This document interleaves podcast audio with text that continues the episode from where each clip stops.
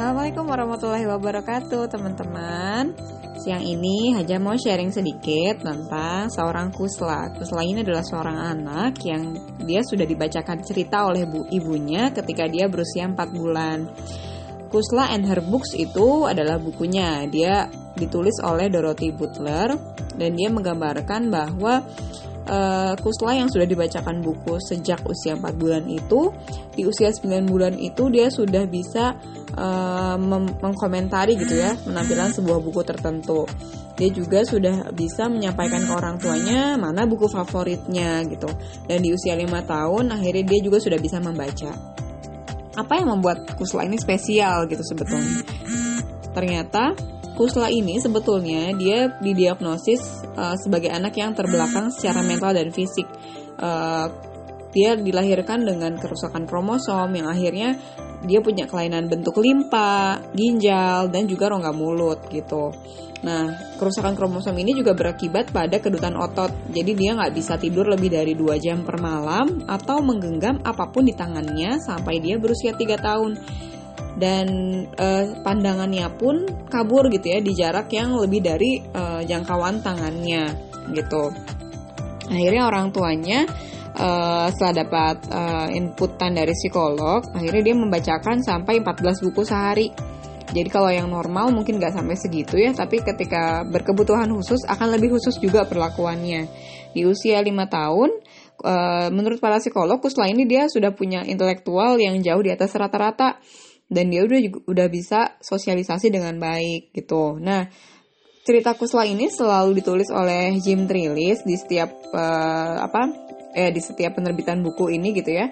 Nah, uh, kemudian ada yang merasa terinspirasi gitu ya seorang orang tua dari seorang Jennifer yang anaknya itu ternyata Down syndrome. Dibacakan buku sebanyak 10 buku sehari dan pernah ketika dia harus dirawat di rumah sakit selama uh, 7 minggu gitu ya uh, tetap dibacakan bahkan juga direkamkan gitu ya. Jadi orang tuanya merekamkan ceritanya kemudian diputarkan oleh suster di sana gitu. Nah uh, bagaimana uh, ininya perkembangannya gitu ya. Ketika dia udah kelas 5 dia termasuk salah satu pembaca terbaik di kelasnya gitu.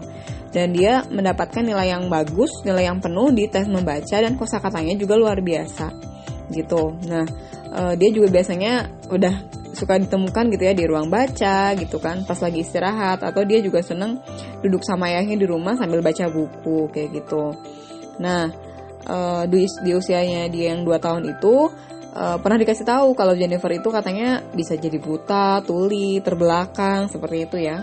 Nah, tapi padahal di tes eh, IQ-nya di usia 4 tahun itu 111 gitu.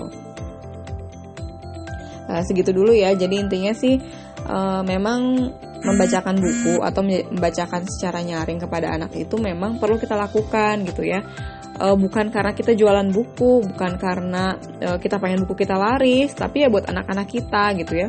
Bukan hanya buku, bisa kita tilawah, kita ajak ngobrol yang pasti ya. Nah, membacakan buku salah satunya itu memang uh, apa? Jadi metode yang paling murah dan paling mudah deh sebetulnya kayak gitu. Nah, uh, kemarin dapat cerita juga sih dari ada namanya Kak Isma. Kak Isma itu salah satu uh, bapak-bapak yang aktif banget untuk pendidikan anak. Dia cerita kalau anaknya itu dulu dibacainnya novel gitu ya, dibacain macam-macam. Jadi anaknya udah cepet dari anak pertama tuh dia udah cepet uh, perkembangan bacanya gitu ya. Udah gitu ketika dia pertama kali baca juga udah senengnya novel di usia 5 tahun, 6 tahun, 7 tahun tuh udah senengnya novel gitu uh, ya memang bergantung pada apa yang kita berikan sih gitu ya. Jadi kita jangan anggap anak kita tuh nggak ngerti anak kita tuh masih kecil gitu. Nah padahal mereka tuh kan kayak spons. Jadi ketika mereka mendengarkan mereka itu men menyerap terus menyimpannya di otak mereka gitu. Suatu saat diperlukan tentu akan di recall akan lebih mudah seperti itu gitu. Jadi kita full aja stimulasi penglihatan, pendengaran gitu ya, rasa, pokoknya semua uh, tetap kita stimulasi dengan baik seperti itu ya.